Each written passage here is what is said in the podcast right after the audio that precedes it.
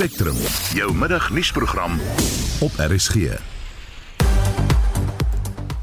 In vandag se program energiekenners reageer op die moontlikheid van nog 'n kragtarief vir Suid-Afrikaanse verbruikers. Uit die aard van die saak is die situasie nou so benard dat A ons noodkrag nodig het en dringend nodig het en as die president dit nie binne 2 maande kan vermag nie, dan weet hy die verkeerde raadgewers Akademisie bring hulde aan die ontslape joernalis, skrywer en digter Don Matera.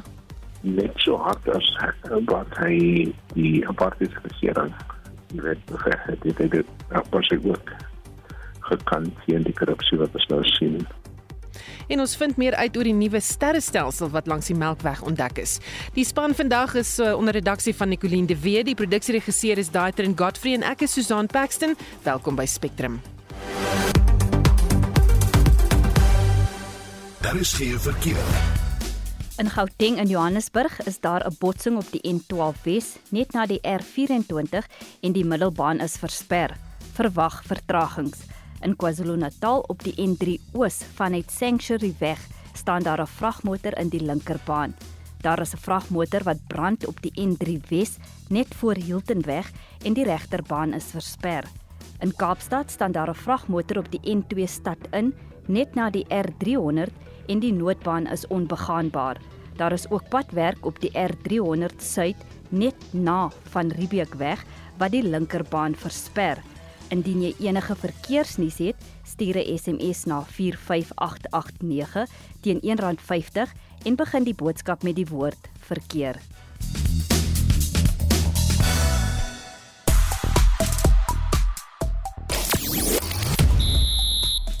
Drama vir Banyana Banyana in gisteraand se Vroue Afrika Nasies beker halfeindstryd. Die cricket wêreld word deur 'n uittrede geskok en die Engelse vrouespan maak skoonskip teen die Proteas. Ek is Shaun Schuster en is later terug met meer inligting. In sosiale media is die hitsmerk Mandela Day steeds gewild met 49000 tweets.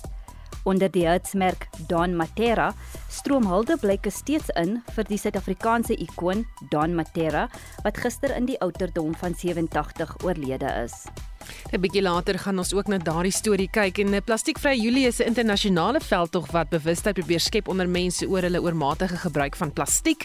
Ons wil by jou weet wat doen jy om minder plastiek te gebruik? Wat is vir jou 'n suksesvolle alternatief? Stuur 'n SMS na 45889 teen R1.50 per boodskap of praat saam op die Monitor en Spectrum Facebookblad. Jy luister na Spectrum. Elke weekmiddag tussen 12 en 1. En is nou 7 minute oor 12 mense wat gedeeltelik van die Eskom netwerk wil afkom en self kragvoorsienend raak, gaan dalk nog duurder vir krag moet opdok as Eskom sy sin kry. Die kragreis het 'n voorlegging aan die nasionale energiereguleerder Nersa gemaak, waarin hy voorstel dat 'n heffing moet geld vir huishoudings wat van hernubare energie gebruik maak en net Eskom se krag in nood wil gebruik. Die kragkenner Ted Blom sê dit is reeds gebruik in ander lande en hier op eie bodem is daar al munisipaliteite wat 'n hoër erfbelastingtarief ingestel het vir mense mense wat van sonkrag gebruik maak. Dit is in Kendio, elders in die wêreld, taamlik algemeen dat mense wat probeer om afgaan van hulle sentrale verskaffer van krag, by die aard van die saak nog steeds gekoppel bly vir die wis en die onwis vir die week of 3 wat die Kaap glad nie ordentlike weer het wat uh, krag kan opwek en dis meer nie. En die probleem is dat nie teenstaande die feit dat jy meeste van jou krag self opwek nie. Noodgevalle wil almal dan omtrent terselfdertyd by Eskom krag hê. En derhalwe moet Eskom uh, nog steeds daai kragsentrale dag en nag bedryf asof almal nog gekoppel is aan die netwerk. So ja, nee, dit is die bitterpil wat kom by uh, om so te in Engels 'n grid tie te wees. So jy betaal vir jou eie krag en jy betaal vir Eskom in geval jy hulle krag nodig het. En dit is seker die duurste opsie wat mense kan uitvoer. Ek dink uit die aard van die saak, die strategie wat ek sou volg En wat ek wel volg is dat ek eh, stelselmatig my eie kapasiteit te vergroot en mense moet oppas. Dit is heel wat groter as wat die verkoopspan by die plaaslike hareware vir jou kan sê dit gaan kos. En dan stelselmatig soos draai jy reg is om dan heeltemal te sny van die netwerk sodat jy dan nie hierdie ekstra heffings wat Eskom of jou munisipaliteit of wie ook al jou verskaffer is gaan hê nie. Maar hoe sal dit nou prakties werk as Eskom hierdie heffings gaan vra? Gaan hulle dit deurgee na die munisipaliteit toe en die munisipaliteit gaan dan besluit self hoe hy dit aan jou gaan deurgee? Daar is ook uh, munisipaliteite wat die ding 'n uh, bietjie vooruitgespring het en gesien het hier kom 'n ding en hulle wat hulle nou gedoen het is hulle het nou 'n uh, addisionele erfbelasting wat hulle nou het by hulle mense wat sodra hulle sien jy het 'n sonpaneel op jou dak dan slaan hulle jou met 'n addisionele erfbelasting en uh, ek dink dit is 'n omseiling van die elektrisiteitsregulasiewet en ek dink is iets wat miskien in die howe bevraagteken kan word. Kyk, die feit van die saak is wie ook al jou verskaffer is, gaan skielik 'n gat in sy sak hê en hy gaan alles probeer om daai gat te vul. So dit is nie 'n kwessie van of dit gaan gebeur nie, dis wanneer dit gaan gebeur. Inteendeel, as jy net die R900 heffing kry, eh, dan loop jy nog lig daar af. Elders in die wêreld wat boonbehalwe die sogenaamde uh, toegangskoste of uh, connection fee in Engels, gaan die prys per kilowattuur ook drasties verander sodra die pryse markverband word. Want sodra dit nou 'n bietjie koud en donker is en almal wil nou Eskom se krag hê, dan gaan daai tarief van die huidige R1.45 in 'n oop mark tender uh, situasie op kan gaan tot 30, 40, 50 rand per kilowattuur. Wat onbetaalbaar is, want onthou jou gewone globe, jou Engelse incandescent globe, het 60 watt per uur gebruik. So uit die aard van die saak, ja, as mens nie versigtig hierdie pad loop nie, gaan jy eindig met 'n astronomiese rekening wat omtrent onbetaalbaar gaan wees. Maar dit dis nou nie asof Eskom mense ander keuse gee nie. Uit die aard van die saak dink ek is nou waarna die president so half mens weet nou nie of hy ernstig was of grapperig was nie, maar geskimp het toe hy nou praat van Eskom 2. Uit die aard van die saak is die situasie nou so benaar dat A ons noodkrag nodig het en dringend nodig het en as die president dit nie binne 2 maande kan mag nie, dan bet hy die verkeerde raadgewers. Dis die een ding. Tweedens is dat stelselmatig gaan almal minder krag genodig hê want die toerusting gaan uh, verander in terme van wat hulle vereis om uh, te kan werk. Jy sien al klaar jou skootrekenaars gebruik 12 volt. En meeste goed het nou 12 volt ekwivalente, yskaste en dis meer. So uit die aard van die saak, lyk dit vir my dat die mense vereistes gaan verminder en derhalwe gaan jy vermoë om dit self op te wek. Baie baie beter lyk as wat dit tans lyk. En dit was die kragkenner Ted Blom. 'n Getuie by die parlementêre proses wat ondersoek of die geskorste openbare beskermer Bosisiwe Mqobani geskik is om haar ampt te beklee het, getuig hoe hy aangesê is om alle verwysings na politici en Estina suiwelprojekte ondersoek te verwyder. Hy het ook besonderhede verskaf van 'n private vergadering tussen Mqobani en die voormalige minister van staatsveiligheid David Mhlobo en amptenare in sy departement. Esie de Klerk doen verslag. Die getuie wat gister getuig het, is 'n voormalige senior ondersoeker in die kantoor van die openbare beskermer, Kolofelo Kekana. Hy is gedagvaar om voor die komitee te verskyn nadat hy aanvanklik huiwerig was om getuienis te lewer. Dit is die tweede week dat die komitee getuienis aanhoor. Die parlementêre ondersoek teen Kobani is ingestel na verskeie hofuitsprake teen haar. Die konstitusionele hof het onder meer bevind dat haar verduideliking hoekom sy die kwesbaarheid van die Reserwebank met die Staatsveiligheidsagentskap bespreek het voordat sy haar verslag daaroor uitgereik het, onverstaanbaar was. Kekana het getuig hy was deel van die ondersoekspan in die saak en hy is genooi na 'n vergadering met Mqobani en die voormalige minister van Staatsveiligheid, David Mhlobo, en senior amptenare in sy departement. Before I entered the private office. I was told that the advocate was having a meeting with the minister prior to the meeting. And I think five, ten minutes thereafter, then we started with the meeting. In attendance was the minister, the public protector, Mr. James Ramabulani, and Mr. Arthur Fraser. Kekana het getuig die vergadering was egter nie die enigste aspek wat vir hom vreemd was nie. As normal, I took out all my notepads and the recorder so that I could record the proceedings. But I was I was instructed by the public protector not to record the meeting. So I took notes. Not so long before I was taking those notes, I was told that I should not take notes. Kekana was ook deel van die span wat die Vrede Estina suiwelprojek ondersoek het. Getuienisleier Nazrim Bawa het hom uitgevra oor hoe hy deel geword het van die finalisering van die verslag. I was informed that Ms. Erica Silias of the Free State Provincial Office was removed from the matter and that a task team had been appointed to finalize the investigation and the report. So I was appointed myself, uh, Mr. Ndichene Raidani, and Mr. Mundus Tole. Were you given any reason why Ms. Salias was removed? I was told that the PP believed that she was a Democratic Alliance member. Kekana het getuig dat hy aanvanklik uit sy amp geskort is en na 'n dissiplinêre verhoor afgedank is. In November 2017, I did have a meeting with Mr. Gumbi Jalela, who informed me that the PP no longer wanted to work with me. Did you ask for a reason? Yes, I did ask, and I was told that the PP indicated that I was talking too much to our attorneys. Advokaat Dali Mpofu namens Mqwebane het aan Kekana gevra of hy nie slegs 'n voormalige werknemer is wat nou sy misnoë uitspreek nie.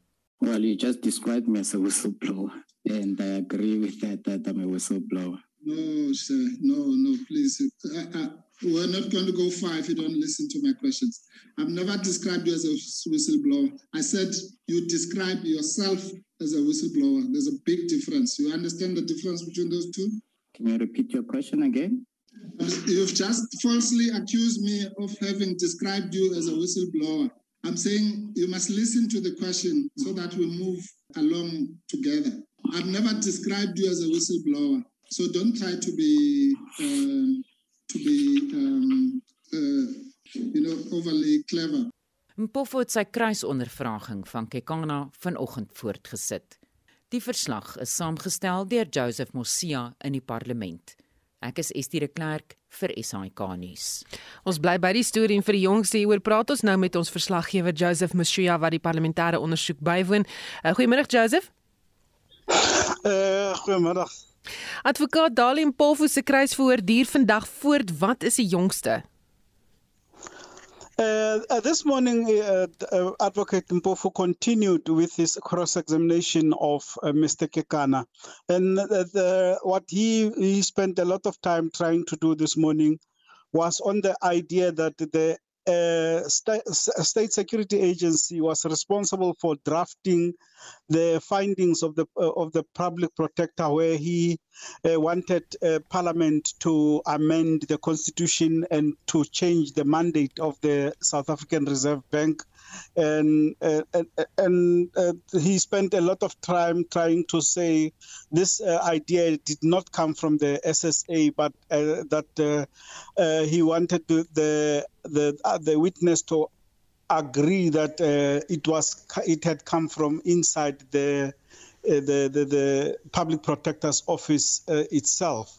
And, and he's continuing now, and now he is back to try and discredit the character of the of the witness by saying that he has been fired from the uh, office of, from the public protector because of dishonesty. And the, the, the witness is trying to resist that uh, the, that finding uh, or that understanding that Mpofu has. And that is where they are at the moment. So watter belangrike getuienis kan ons nog verwag? Enige ander plofbare getuienis dalk It, it, at the moment, uh, the, with Mr. Kekana, I think the bulk of his uh, his his testimony uh, has been made. All all that needs to happen now is from from Pofu on behalf of Mukwebane to try and uh, knock down some of the evidence that he gave yesterday. We're still going to have to listen to what he has to say about the free uh, issue because uh, that that was one of the issues that uh, was was was highlighted yesterday, and then. Uh, later it's going to be questions from members And we, we, we expect maybe uh, the answers that Kekana will give to members of parliament uh, are likely then to provide some of the other information that we probably still don't have because that's what happened with Mr. Van Locherenbeck when members of uh, parliament started asking questions. Then he started giving uh, other evidence that he had not given in the in the early. So maybe this afternoon we will get new things from Mr. Kekana. Baie dankie, dit was ons parlementêre verslaggewer Joseph Musia. Die Reserwebank se monetêre beleidskomitee vergader môre te midde van verwagtinge dat rentekoerse met ten minste 50 basispunte verhoog sal word. Inflasie staan nou op 6,5%. Intussen eis vakbonde reuse salarisverhogings weens die hoë lewensonkoste en 'n mate die salarisonderhandelinge momentum begin kry, kom onbestedige arbeidsverhoudinge ook na vore. Ekonome meen rentekoerse sal na verwagting later vanjaar verder styg. Daar is groot ontevredenheid nadat die reaksiefonds op geslagsgeweld en vrouemoord aangekondig het dat hy tegnologiese toepassings wil inspann om geweld teenoor vroue en kinders te bekamp. Die tegnologie moet onder meer ingespan word om voorvalle op te neem wat sal help met die versameling van bewyse. Ons praat nou hieroor met professor Corneille Duwys van die departement strategiese kommunikasie aan die Universiteit van Johannesburg wat ook 'n kampvegter is vir kinder- en vroueregte. Goeiemiddag professor Corneille Duwys. Goeiemiddag, hoe gaan dit? Met my gaan dit goed. Wat dink jy kan tegnologie soos eh, toepassings gebruik word in die stryd teen geweld teen vroue en kinders?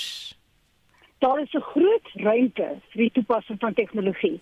Vir die hoofsaaklike rede dat meeste slagoffers nog steeds nie die gevalle van geweld aanmeld nie. So daar is 'n behoefte vir 'n vir 'n diens waarmee hulle veilig voel um, wat hulle anoniem kan rapporteer. So daar is definitief 'n ruimte daarvoor.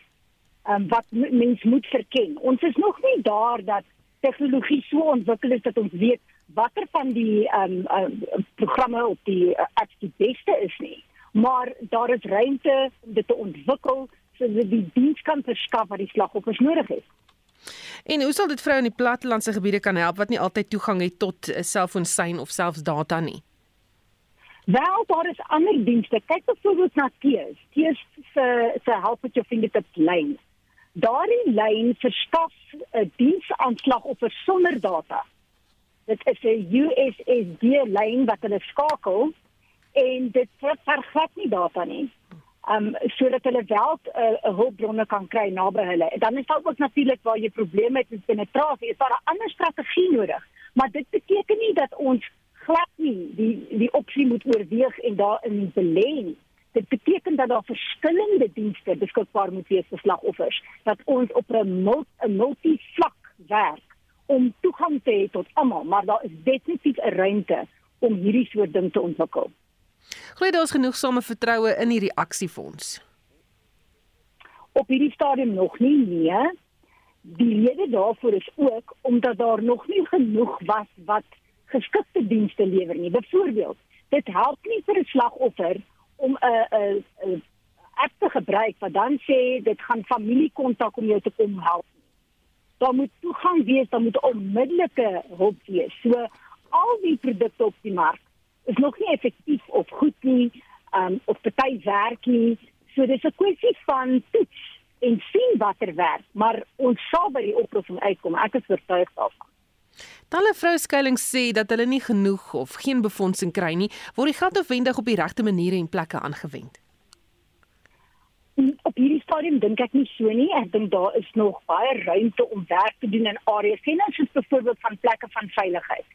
Dit is een van ons grootste behoeftes op die oomblik. Is plekke van veiligheid. En dan natuurlik die organisasies wat wel werk met geweld teen vroue. Benodig befondsing daar is definitief 'n ruimte om meer fondse te allokeer vir hierdie organisasies. Um, maar dit is ek sê, daar is ruimte vir almal om meer te doen op meer plekke om meer diens aan te bied en dit kan net gebeur as ons saamwerk.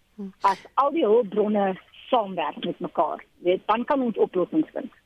En wat sou jy sê waar lê die oplossing vir die land se skokkende misdaadstatistiek as dit kom by geweld teenoor vroue en kinders?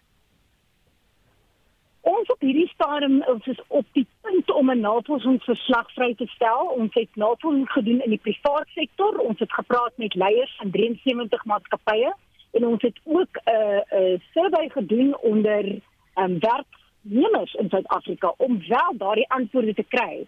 En ons stel hierdie um, ons bevindinge vry op die 11 Augustus by JSE is die, die, die, ons het ons antwoorde vir hoe die private sektor betrokke kan raak en wat die opinies was van ons werknemers in Suid-Afrika in terme van hoe ons hierdie misdaad en geweld teen vroue kan aanpak. En ek glo daar is antwoorde en daar is oplossings en ons sien baie uit om hierdie verslag vry te stel aan Suid-Afrika. Baie dankie. Dit was professor Corneil Duwys van die Departement Strategiese Kommunikasie aan die Universiteit van Johannesburg en sy is ook 'n kampvegter vir kinder- en vroueregte. Hulde blyke stroom steeds in vir die Suid-Afrikaanse ikoniese digter, skrywer en apartheid anti-aktivis Don Matera wat gister in die ouderdom van 87 oorlede is. Matera sal onthou word vir sy bydrae tot die apartheid stryd. Hier is die voorsitter van die Don Matera Stichting, Jennifer Jafta. Don was wat hulle sê 'n Engelse giant in reus hy waardes het deurgekom in alles wat hy gedoen het. Hy was 'n mens vir die gemeenskap. Hy het van die gemeenskap afgekom. En alles wat die Don Matera Legacy Foundation doen word geanker in gemeenskap because dit is wie Don was. Noem een van jou gunsteling herinneringe van hom. One of the things Don always taught us was this when you see someone and that person needs support. Don't hesitate to give support because that was compassion. He lived the ultimate values of compassion he embodied. And he said to us the following, and these were his words When you are in that race and you say, on your marks, get set, you turn around and you bring someone along with you. And that was what we will always remember about Don the memory and the idea that, you know, we are what we are because of others and we bring others along with us and so we lift others up as we go along. And that's what I would always treasure, that memory and try and embrace that as a value in my own life. Verskeie mense het hom as 'n vaderfiguur beskou. Het jy dieselfde ervaar? Ja, Don was 'n ouderling in ons gemeenskap gewees. But he was a father figure. He was also a mentor. He was a fountain of wisdom and a huge source of inspiration to us. And so there's a void in our lives, there's a void in my life. Wat het hy vir die gemeenskap gedoen om hulle lewensomstandighede te verbeter? There were so many things that Don did. Don was firstly a poet. Don was an author. Don was a journalist. As a journalist, he trained over 250 journalists. Many well-known journalists, professionals today were are journalists today because of Don's teaching, Don's inspiration. He was passionate about young people being taught and encouraged to read. Don even served as a patron of various children's foundations and children's organizations because the child was just at the core of his very being. En dit was die voorsteur van die Don Matera Stichting Jennifer Jafta wat met Bianca Olifant gepraat het en sy het ook met professor of 'n professor in opvoedkunde aan die Universiteit van Stellenbosch professor eh, Jonathan Jansen oor Don Matera gepraat. Don Matera was 'n mens mens in die eerste plek. Hy was jy weet die soort van die die tipe aktivis oor die jare onder apartheid en na apartheid wat eintlik uitstaan juis omdat hy nie soos die res van jy die politieke wêreld was nie. Hy was nie gecapture nie as jy weet wat ek bedoel. En hy hy was eerlik hy was ordentlik hy was onafhanklik hy was krities en net so hard as wat hy die apartheid regering jy weet beveg het dit dit was hy ook gekant teen die korrupsie wat ons nou sien in die napartydse regering. En so vir baie van ons was hy 'n rolmodel. Watter rol het hy gespeel in die akademiese wêreld en sy bydrae tot vryheid van spraak? Hy was nie 'n uh, prof nie, weet hy was nie iemand wat wie se daaglikse werk natuurlik in die akademie uh, vasgevang was nie. En tog het sy werk en sy skrywe en so aan in klasse verskyn. Jy weet, van die leerkinders het mense sy werk gebruik. Ja, as studente het gelees en so aan. En soos ek sê, hy het in die twee wêrelde uh, gewoon die wêreld van die aktivis en die gemeenskap en die wêreld van die intellektueel en die op die kampus en dat nou mense wat daai rol so kan vertolk en met so met soveel gemak. Watter rol het sy digkuns in die stryd teen apartheid gespeel?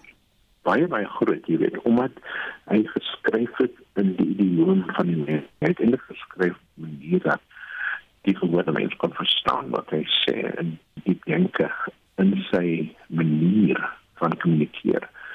Dat jy jy moet lank dink jy weet wat sê die mens hy sê en hy praat oor al ons ewels hy het gepraat van jy weet ons houdings teenoor mense van ander Afrika lande het gepraat oor dat sy het gepraat oor ons houdings teenoor hy het gepraat oor al die goed wat ons vas in die alledaagse lewe hier sukkel Dit was professor Jonathan Jansen, 'n professor in opvoedkunde aan Universiteit Stellenbosch.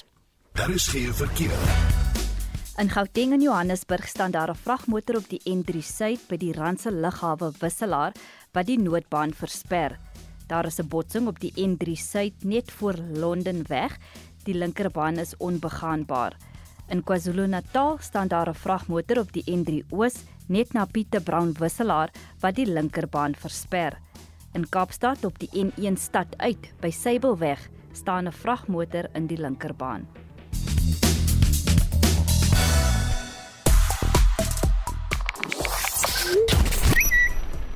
Suid-Afrika se voormalige kaptein Graham Smith gaan Kriket Suid-Afrika se nuwe T20 liga lei.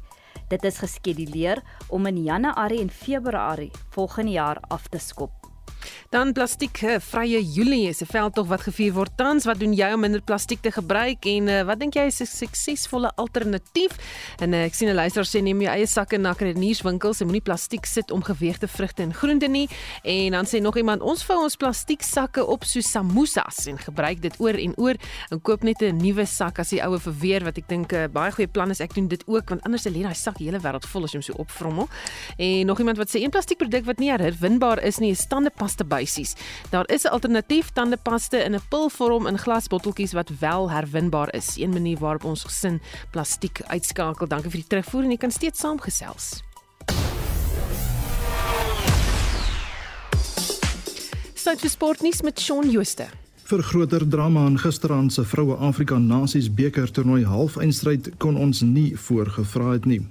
Dit was nul by sake en Banyana Banyana het al 5 silwermedaljes by die toernooi gewen en die droom om daai eerste wennerstrofee te hulle geword lewendig gehou. Die telling was 0 elk met nog so 2 minute oor toe Suid-Afrika 'n strafdoel poging kry en Linda Motlaho maak geen fout nie en verseker Banyana Banyana se plek in Saterdag se eindstryd teen die gasheerland Marokko. Marokko die verdedigende kampioene Nigerië ook gisteraand deur uitskietdoele geklop. Op die cricketveld begin ons mans Protea span se eendagreeks teen Engeland vandag terwyl ons vroue Protea span se eendagreeks ook teen Engeland gister tot 'n einde gekom het. Die manspan se eendagreeks begin vanmiddag 2 uur by die Riverside Stadion in Durham. En die cricketwêreld is ook gister geskok toe die Engelse veelsidige speler Ben Stokes sy eendag uittrede na vandag se kragmeting aangekondig het. Die 31-jarige Stokes sê hy wil op sy toetskapteinskap en T20 cricket fokus. Ons vroue Protea span het hulle eendag reeks teen Engeland met 3-0 verloor na 'n nederlaag van 109 lopies in gister se derde en laaste wedstryd. Engeland het 371 vir 7 aangeteken en Suid-Afrika vir 262 uitgebal. Marizaan Kap, Chloe Tryon en Laura Wolfhard kon daarom 50 talle aanteken. En dit is dag 4 van die eerste toets tussen Sri Lanka en Pakistan. Pakistan kort 342 om die toets te wen nadat hulle Sri Lanka vanoggend vir 337 in hulle tweede beurt uitgeboonder het. Wêreldrugby het die 40 spanne wat aan die Sewes Wêreldbeker toernooi gaan deelneem bekend gemaak. Die laaste 8 spanne, 4 mans en 4 vroue spanne is oor die naweek bevestig. Die toernooi vind tussen 9 en 11 September hier in Suid-Afrika by die Kaapstad Stadion plaas. Daar is 24 mans en 16 vroue spanne wat gaan deelneem. Afrika word deur 4 mans en 2 vroue spanne verteenwoordig. Die derde en laaste week van die Tour de France het ook aangebreek. Denemarke se Jonas Vingegaard dra die pink trui en is so ongeveer 2 en 'n half minute voor die verdedigende kampioen Tadej Pogačar van Slovenië met nog 'n voormalige kampioen, Jerome Thomas van Groot-Brittanje in die derde plek. Suid-Afrika se Louis Mentjies vaar ook uitstekend en bekleed die sewende plek op die oomblik. Dit was ons sportkorrespondent Shaun Jooste.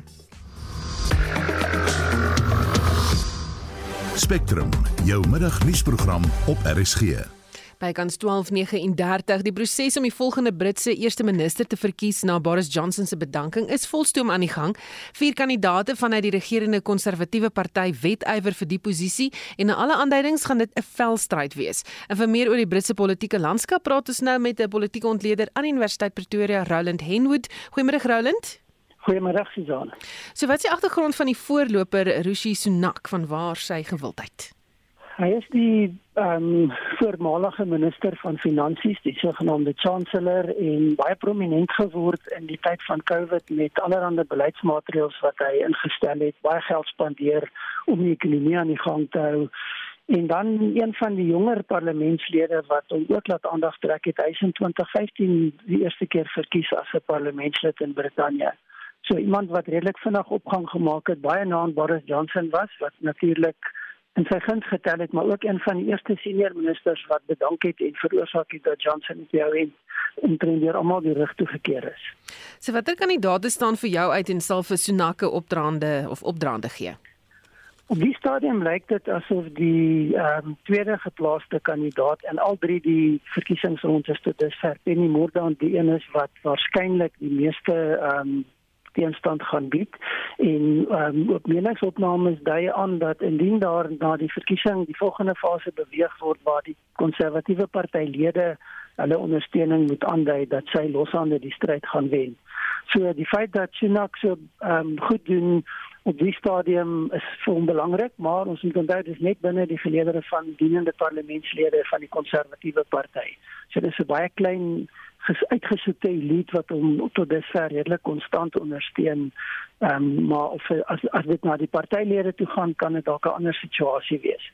Hmm. Die die ander persoon wat definitief nog steeds 'n goeie kans het is Listras, die ehm um, minister van buitelandse sake wat ook 'n lang dien langer dienende parlementslid is. Hy is al reeds sedert 2010 in die ehm um, Britse parlement en 'n uh, belangrike ding vas dat sy baie langer in die regering gedien het as enige van die ander kandidaate, ook in senior poste. Ehm um, sy is maar die tweede vrou in Brittanje wat die pos van minister van buitelandse sake beklee. So dit maak haar 'n uh, belangrike rolspeler is 'n leier wat definitief aansien geniet en dit lyk asof sy elke ronde van die verkiesing bietjie beter doen. So sy kan nog nie op die stadium buite rekening gelaat word nie. So jou gevoel is dat die kans betreklik goed is dat die Britte weer 'n vrou eerste minister sal kry. Daar's 'n kans dat dit gaan gebeur. Ja, ek dink wat ons verseker op die stadium weet, dit gaan nie weer 'n wit man wees nie. Ek dink dis nog 'n interessante verwikkeling want dit is die patroon van die Britse politiek met enkele uitsonderings. So dat daar interessante nuwe gebeure op die horison vir die konservatiewe party is, dit is verseker so. Hm. Die Britse publiek moet hierdie keer net toe kyk hoe 'n nuwe leier verkies word. Wat dink jy is die gevoel in die openbare uh, ruimte? Die stadium lyk dit of mense regtig net toe kyk. Ek dink daar's 'n groot skaalse ontnigtering met die leierskap van Boris Johnson en met hoe die konservatiewe party opgetree het. Um, ons het dit gesien in onlangse tussenverkiesings waar die konservatiewe party selfs in baie veilige setels nogal ver verloor het. So dit lyk asof daar 'n mate van vervreemding is en en ja, mense kyk toe waarskynlik met 'n mate van belangstelling want die persoon wat verkies word is die volgende eerste minister, maar ek dink nie dit beteken dat die konservatiewe party uit die moeilikheid uit is omdat hulle 'n nuwe leier gaan verkies nie. Nou daar word uh, tydens verskillende rondes gestem. Wat gebeur nou in aanloop tot wanneer die eerste minister in September aangekondig word? Vandag en vandag vanmiddag tussen 12 en 2 Britse tyd word die volgende ronde gestem en dan gaan die kandidaat met die minste stemme uitval. En dan is daar môre weer 'n ronde waar verkiesing 'n stemming plaasvind en dan val die volgende kandidaat met die minste stemme uit. En die twee wat dan oorbly word dan verkies deur die konservatiewe partylede. Ehm um, hulle die keuse finale keuse tussen die twee voorlopers. Dis dan nie meer die parlementêre groep wat die verkiesing hanteer nie. En die die persoon wat dan die meeste stemme kry word bekend gestel as die nuwe leier van die party en sal dan ook verkies word as die volgende eerste minister en die verwagting is dat dit op 5 September sal gebeur. Baie dankie. Dit was 'n politieke ontleder aan Universiteit Pretoria, Roland Henwood. Ons bly in die buiteland. Brittanje kan vandag 'n rekordhoë of rekordhoë temperature verwag met die kook wat tot 41 grade Celsius kan styg. In Spanje, Portugal, Griekeland en Frankryk het veldbrande gewoed terwyl temperature in Spanje meer as 45 grade Celsius bereik het. En vir meer oor die hittegolf toestande praat ons nou met die dekaan van die fakulteit Natuurwetenskappe by Akademia, professor Hannes Rautenbach. Goeiemôre Hannes. Goeiemôre Susan. Was klimatoloë die uitermate hoë temperature in Europa te wagte? Ja, uh, Susan ons moet onthou die eerste plek, dit is nou somer daar in die in, in noordelike halfrond. En um, wat interessant is met die met die aanvang van die somer hier van die herfs af was Mei maand hierdie jaar al reeds die warmste maand op rekord in Frankryk. So die uh, somer het redelik uh, ernstig afgeskop. En uh, ons het nou 'n stadium bereik die afgelope week waar ons 'n rekordtemperature gesien het, waar rekordtemperature gebreek is. Uh, die bosbrande het na uh, daarna gevolg. En ons het dan nou natuurlik die menslike sterftes wat nou voorkom wat dit nogal 'n uh, na ramplat lyk. Um, in die uh, Iberiese skiereiland wat nou maar die gebied so tussen Portugal en Spanje is, is daar nou al 748 gevalle uh van mense wat dood is aan hitteverwante faktore met woorde dit raak nogal 'n redelike ernstige probleem.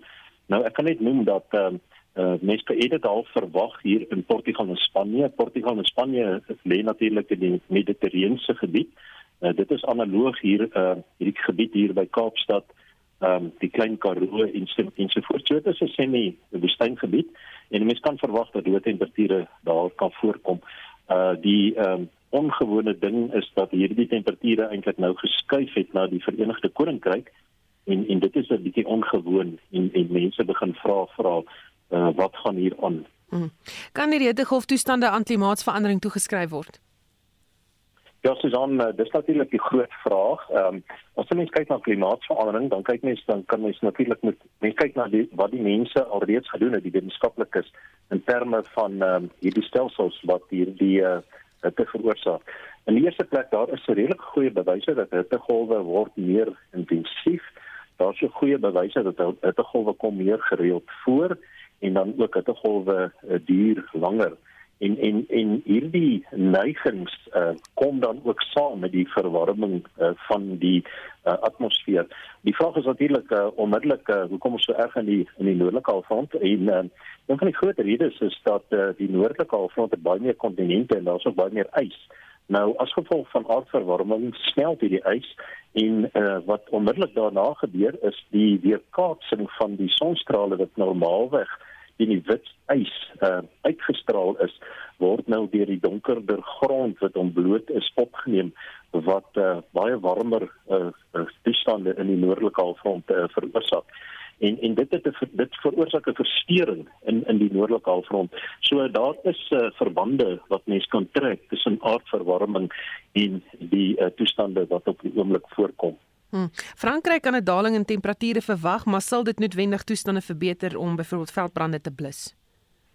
Ja, kyk, daar's nou al reeds 'n uh, groot uh, skade aangerig. Die die veldbrande is aan die gang. Hulle sê al so 'n bietjie verligting nou hier in Frankryk uh, wat egter kommerwekkend is dat die Verenigde Koninkryk dat die Britse weerdiens uh, gewaarsku het. Dit is uh, gister laat en vandag het hulle gewaarsku dat die 38.7 grade Celsius rekord wat in 2019 aangeteken is, gebreek kan word in die volgende paar dae. En um, maandag um, dit is nou gister het hulle voorspel dat uh, tot 40 grade uh, vandag en môre kan voorkom in Brittanje. So alhoewel Frankryk so 'n bietjie verligting ondervind, is daar nog groot kommer in Brittanje dat daar redelike ekstreme temperature in in daardie land kan voorkom. Baie dankie het gepraat met die dekaan van die fakulteit Natuurwetenskappe by Akademia, professor Hannes Rautenbach. Beerdkrag maak jou vet en gaan op die lange duur jou gesondheid belemmer. Dis volgens 'n studie wat deur die Tiger Brand Stichting gedoen is oor mense se eetgewoontes en beerdkrag.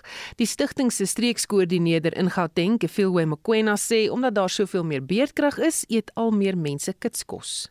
I mean, to put it in a layman's language, uh, um, what we picked up in our study is that when people don't have electricity or access to power, immediately what they think of is what am I going to eat?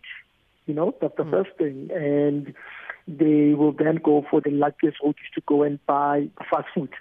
So, you know, your malls will be most likely have a generator. Your fast food outlets um, do, you know, have a generator. So they are able to provide the food at quicker and much more convenient. But does it mean it's healthy? It's another discussion. Mkwena sê mense is nou ook geneig om swakker kwaliteit kos te koop omdat die beerdkrag die risiko inhou dat kos kan sleg word. If I buy meat for 600 rand, what happens if it gets spoiled? If I buy meat for 1,000 rand, what happens if it gets spoiled?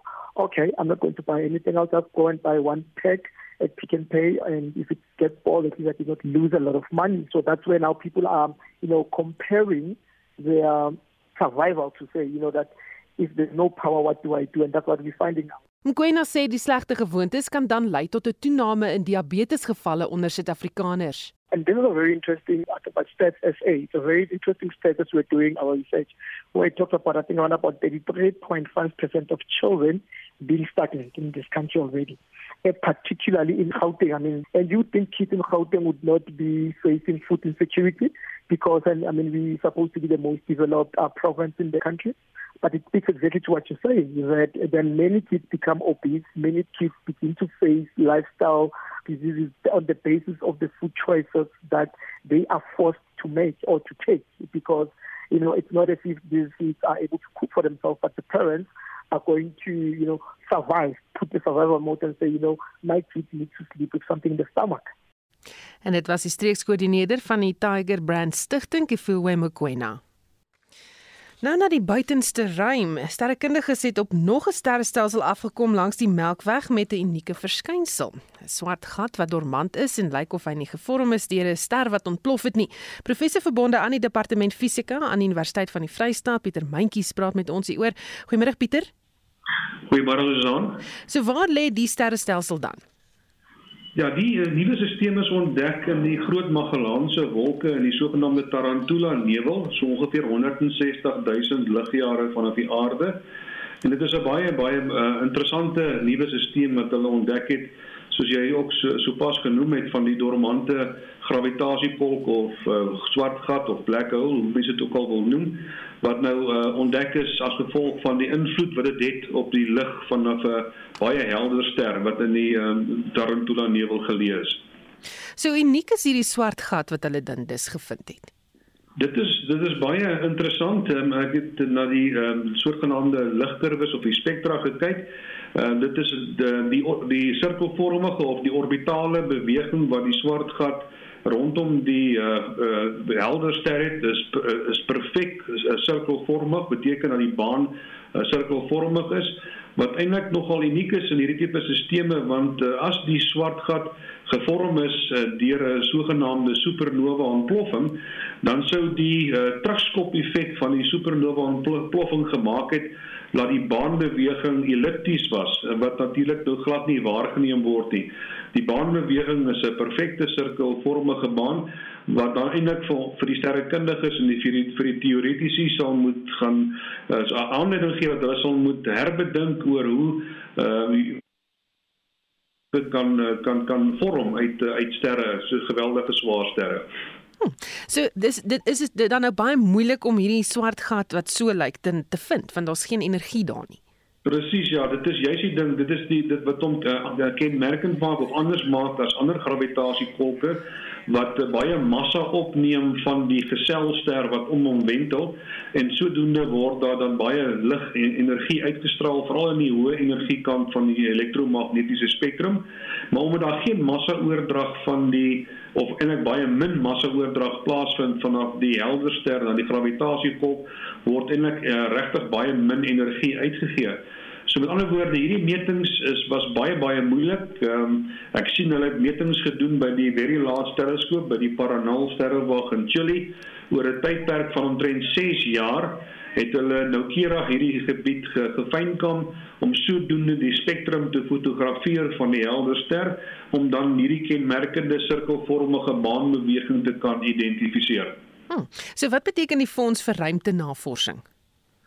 Wel, dit beteken maar net weer dat 'n mens moenie 'n soort van net lukraak aanvaar dat alle uh, eksotiese voorwerpe soos neutronsterre en gravitasiekolke en die tipe goed wat waarna ons op baie kyk in ons in ons navorsingsgroep op die op die op die standaard manier uh, gevorm word deur supernova ontploffings nie daar is daar kan ander eksotiese prosesse wees um, waarvan ons nog nie veel kennis dra nie uh, wat dan nou natuurlik duidelik wys uh, in in hierdie nuwe stelsel wat ontdek is dat uh, daar 'n uh, swart swart gat of 'n gravitasiekolk gevorm is deur 'n taamlike onkonvensionele proses. So met ander woorde, dit gee vir ons weer 'n nuwe studieveld om te gaan ontgin. Baie dankie. Dit was 'n professor verbonde aan die departement fisika aan die Universiteit van die Vrystaat Pieter Mentjies. Sowat 100 kinders van plaaswerkers van Oudtshoorn in die Klein Karoo het 'n pretdag geniet terwyl hulle ook hulle 67 minute vir Mandela Dag gedoen het. Die aktiwiteite het by die nuwe Lategansvlei Sportveld plaasgevind wat gebou is met skenkings vanuit Duitsland. Tanya Krause doen verslag. Voorheen was die grondpaaie die plaaswerkers se kinders se enigste sokkerveld met geen ander ontspanningsaktiwiteite waarmee hulle self kon besig hou nie maar die Lategansvlei plaas eienaar Dario Urbanski het sy vriende in Duitsland genader en 'n sportveld gebou. Die 25-jarige Dewald Piet het op die plaas groot geword. Hy sê hy kan nog steeds nie glo dat die beboste veld so mooi omskep is nie. Dit was nou eintlik soos dit nou is, was 'n groot vlak. Maak ek waar staan op 'n dag. En wat beteken dit vir julle as 'n plaaslike gemeenskap? Baie baie goed. Hy is baie diep in ons hart en hy doen baie doen alles vir die gemeenskap. Baie. Ons is baie baie dankbaar vir daardie. Die Spekbos Lategansvlei nuwensgewende organisasie is gestig om die skenkings te bestuur tot voordeel van die plaaslike gemeenskap. Luzet Reuter is die voorsitter van die organisasie. Die Lategansvlei Spekbos hierdie spannetjie wat ons hier het, Dario en Carmen en Lara en Freda en partykeer Dani en Alida en weet almal wat is op hulle knoppies druk, my man Gustaf. Ek meen ek sê net hoor hier Ons het die naweek iets aan. Ons het hulp nodig. Nee, ons is daar om nie worry nie. Jy weet, dit is dit is my ongelooflik. Dit is altyd my hoendervleis. 'n Splinte nuwe verhoog is ook opgerig waar die jong klomp met hul danspassies kon spog. Hulle het ook al 67 minute vir Madiba dag gedoen deur die gebied om die sportveld skoon te maak. Later gaan vleiplaas eienaar Dario Urbanski sê dis 'n voorreg om die gemeenskap te kan help. Das ist altijd Highlight in ons area, weil die Gemeenskap hier von Natransvlee ist wunderlich, alles tanzen. Als jemand hier kriegt Realmas hier, als jemand happy ist, ist einmal happy hier so und uns tanzen als eine Gemeenskap. Und ich denke, es ist ein gute Ding, uns muss mehr von so Menschen hier kriegen, was der Hande fährt, äh, nicht nur nicht will praten, auf äh, hier für mich, auf hier für mich, nee, die Männer alle tun. Die kinders het ook 67 kolwyntjies versier wat aan die 67 inwoners van 'n plaaslike ouete huis geskenk is. Ek is Tanya Krause op Lategansvlei in Oudtshoorn.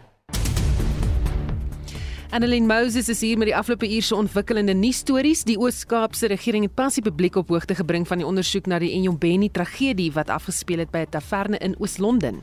Ja, Susan, soos wat luisteraars sal onthou, het 21 tieners op 26 Junie by die taverne in Scenery Park gesterf. Tot dusver is geen inligting bekend gemaak oor wat die oorsaak van die sterftes was nie.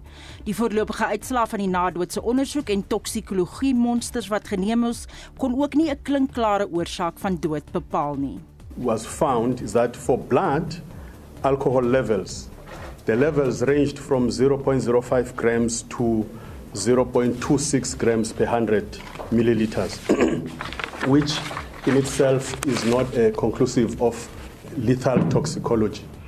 Daar is 'n brokkie slegte nuus vir diegene wat gedeeltelik van Eskom se kragnetwerk wil afgaan weens voortsleepende beurtkrag. Volgens 'n voorlegging aan Nersa wil Eskom hê dat huishoudings wat van hernubare energie gebruik maak en net Eskom se krag in noodsituasies gebruik, 'n heffing sal moet betaal. Die energiekenner Ted Blom sê sekere munisipaliteite span reeds die kar voor die perde hulle het nou 'n addisionele erfbelasting wat hulle nou het by hulle mense wat sodra hulle sien jy het 'n sonpaneel op jou dak dan slaan hulle jou met 'n addisionele erfbelasting en uh, ek dink dit is 'n omseiling van die elektrisiteitsregulasie wet en ek dink is iets wat miskien in die howe bevraagteken kan word Dan 'n aantal aktiviste wat hulle vir vroue en kinderregte beywer, is die Josie in nadat die reaksiefonds vir geslagsgeweld en vrouemoord tegnologiese toepassings wil inspann in die stryd teen geslagsgeweld. Talle reken die geld kan beter aangewend word. Die kampvegter professor Corneille Duwys van die Universiteit van Johannesburg het so gereageer. Een van ons grootste behoeftes op die oomblik is plekke van veiligheid. En dan natuurlik die organisasies wat wel werk met geweld teen vroue. Benodig befondsing. Daar is definitief 'n ruimte om meer fondse te allokeer vir hierdie organisasies. Maar dit soos ek sê, daar is ruimte vir almal om meer te doen op meer plekke om meer diens aan te bied en dit kan net gebeur as ons saamwerk. Stem van eh, professor Corneille Davies van die Universiteit van Johannesburg en Annelien Moses het daardie oorsig vir ons saamgestel en daarmee groet die Spectrum span. My naam is Susan Paxton.